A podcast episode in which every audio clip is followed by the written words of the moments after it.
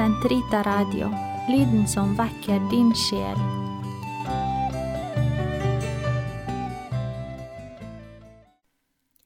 Karmels hage episode 46 Kristus er født for oss, kom la oss tilbe ham. I forrige episode av Karmels hage leste jeg fra kapittel to i Christian Schutz bok Under i stralen, krybbemeditasjoner.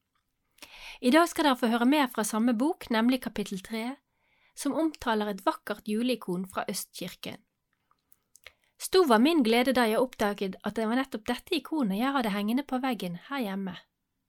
Jeg fikk det noen år tilbake som et julekort, og syntes umiddelbart at det fortjente en ramme.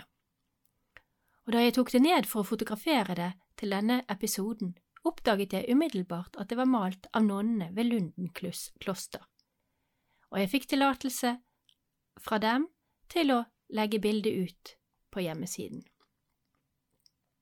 Så om dere etter å ha hørt episoden lurer på hvilket ikon det snakkes om, så finner dere det på Sankt Ritas radios hjemmeside under rubrikken Karmels hage.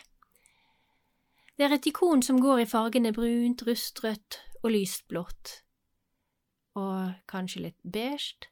I sentrum av ikonet er en hule i et fjell, og i denne hulen, i dette fjellet, ligger det et lite barn, i noe som kan se ut som en kiste, og en okse og et esel ligger i hulen sammen med barnet. Utenfor hulen sitter en, i forhold til de andre figurene, stor jomfru Maria, og nede i venstre hjørne sitter en ettertenksom Sankt Josef, i samtale, kanskje, med en mann kledt i kamelhår og med langt, hvitt skjegg. I høyre kant nede er det to kvinner som gjør i stand badevannet for det vesle barnet, og i høyre øvre del en engel. I øvre del til venstre ser vi en flokk med mennesker med glorie komme vandrende. Vi skal i det som kommer nå, få et innblikk blikk i hvordan dette ikonet taler til oss, gjennom Christian Schutz betraktninger. Vi ber sammen først. Kom, Hellige Ånd, fyll dine troendes hjerter og tenn i dem din kjærlighetsild, du som gjennom de mangfoldige tungemål samlet alle folkeslag til troens enhet. Send ut din ånd, og alt skal bli omskapt, og du fornyer jordens åsyn. La oss be. Gud, du har opplyst de troendes hjerter ved Den hellige ånd. Gi oss at vi ved din ånd kan glede oss over det som er rett, og alltid bli lykkelige ved Hans trøst ved Kristus vår Herre. Amen. Da leser vi fra kapittel tre i boken Underet i stallen. Og kapittelet heter Kristus er født for oss, kom la oss tilbe ham. Evangelium i farger Ikonene er hellige bilder. Man har kalt dem tro eller evangelium i farger malt forkynnelse eller liturgi. Med rette blir de sammenlignet med vinduer som forbinder den jordiske og den himmelske verden med hverandre. Kristne i Østkirken betraktet dem som representasjoner eller åpenbaringer av de himmelske urbilder eller de hellige skikkelser og hendelser. Ikonene besøker himmelen så å si jorden, de står i nær sammenheng med gudstjenesten og forkynnelsen. Deres oppgave er på en måte å fargelegge de hellige mysterier og evangeliet, slik at de kan bli gjengitt i form av bilder. Av denne grunn har de hellige bilder fått en stor betydning i de ortodokse tros- og fromhetsliv, og folket ærer dem i en helt usedvanlig grad. Ikonene oppstår og blir fremstilt etter en fast kanon med bindende regler og typer. Som følge av dette er, ikke, er ikonene ikke i så høy grad en enkelt kunstners skapende verk, men snarere den jordiske gjenspeiling av bilder som aldri forgår, og som Gud har gitt oss til oppbevaring. Det å male et ikon er allerede en liturgisk handling, som stadig blir fulgt opp gjennom bønn og faste.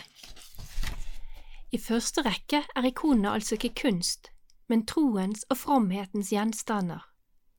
Innstillingen til dem og omgangen med dem blir preget av dette. Disse generelle betraktningene gjelder også vår, våre julenattikoner. Forbildet for dem synes å ha oppstått i det 16. århundre på øya Kreta. Den gang var selve typen julenattikon alt blitt fastlag.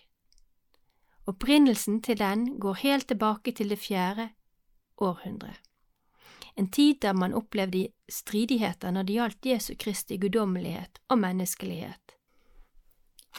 Oppklaringen av dette anliggende skjedde ved at man naturlig nok fulgte ham tilbake til begynnelsen på hans jordiske vandring.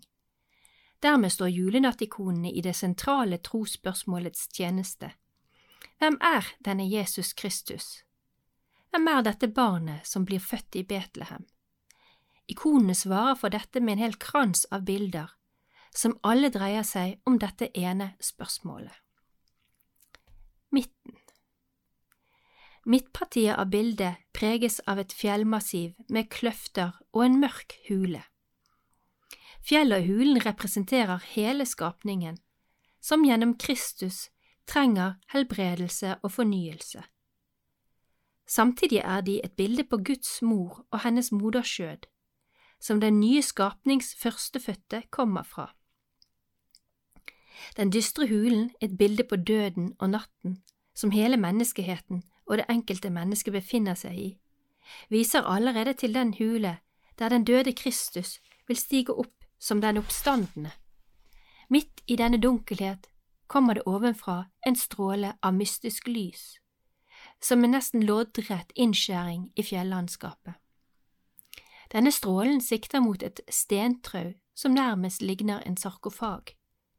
I den ligger det nyfødte gudsbarnet svøpt, svøpt som en død, en henvisning til Jesu kors, død og oppstandelse.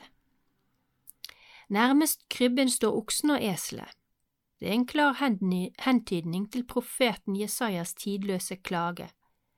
En okse kjenner sin eier, et esel sin herres krybbe, men Israel kjenner ingenting, mitt folk er uten forstand. Jesaja 1,3 Foran barnet kneler Maria, Hele hennes skikkelse forteller at det er en tilbedende holdning. I troens forbauselse og betraktning fordyper hun seg i, bar i, barnet, i sitt barns mysterium. Hun virker som en personifisert fremstilling av den våkne og bedende kirke, av den fromme menneskesjel og den nye menneskehet.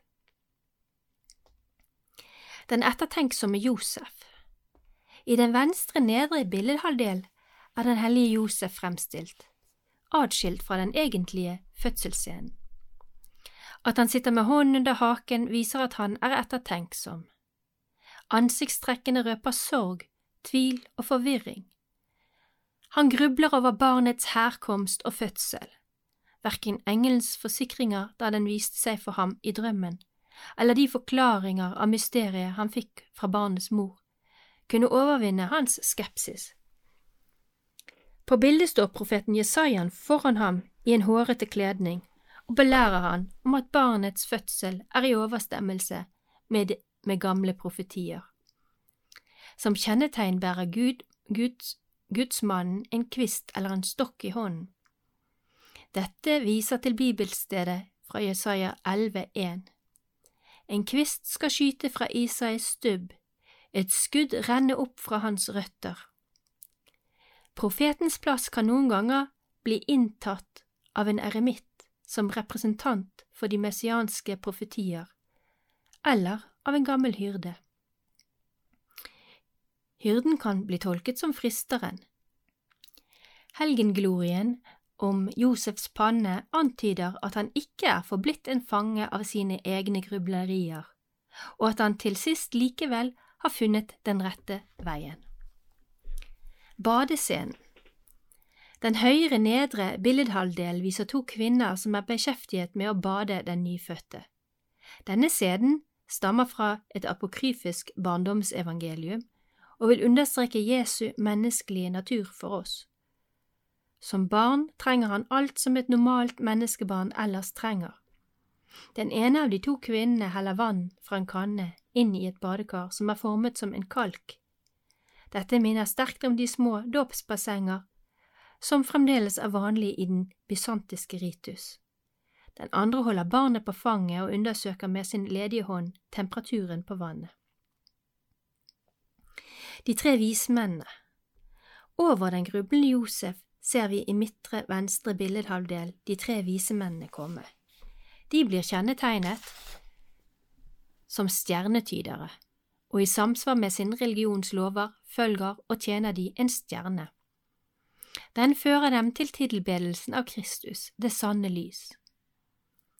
De vise stjerne er på ikonet plassert i lysstrålen som utgår fra Guds trone, og som bringer lys inn i mørket, en verden preget av synd. På denne måten får man uttrykt en overbevisning at Gud selv handler også innenfor vismennenes religion. I den berømte hymnen Akatistos, hvor man i østkirkene i over 1200 år har besunget inkarnasjonens mysterium, heter det Vismennene betraktet en stjerne som viste dem i retning av Gud. De klarte å følge denne anvisningen og holdt seg til den som til en fakkel. Slik fant de den herskende mektige. Overfor den utilnærmelige erklærte de sin kjærlighet til ham. Vismennene selv representerer ulike livsaldre og rir på en hvit og en sort og en rødbrun hest. Over gruppen av ryttere kommer engler til syne. I lovprisning viser de til sjelens, stjernens mirakel, og innbyr den som betrakter bildet, til å beundre det på en takknemlig måte. Forkynnelsen til gjeterne Den høyre billedhalvdel viser i øvre del forkynnelsen av Messias-barnets fødsel til en gjeter, parentes hyrde, som står der. Gjeterne blir tradisjonelt oppfattet som jødekirkens representanter, mens visene representerer hedningekirken ved krybben. På ikonet bøyer en engel seg ned over en gjeter, som støtter seg til stokken mens han strekker hånden ut mot den himmelske budbringer. I nærheten av gjeteren sitter en musiserende gjetergutt med fløyte i hånden. Den østkirkelige liturgi kjenner godt til at fløytespillende gjetere sluttet seg til englekoret som lovpriser Gud. På denne måten knyttes kretsen mellom himmel og jord sammen. Mysteriet ved at Gud ble menneske, blir slik forkynt til hele skapningen. Representanter for alle skapninger tar ved krybben imot forløsningens gave, og de går inn som deltakere i englenes lovprisning. Og lyset skinner i mørket. Johannes 1, 5. Ikonene benytter seg av symbolikken i lys og mørke.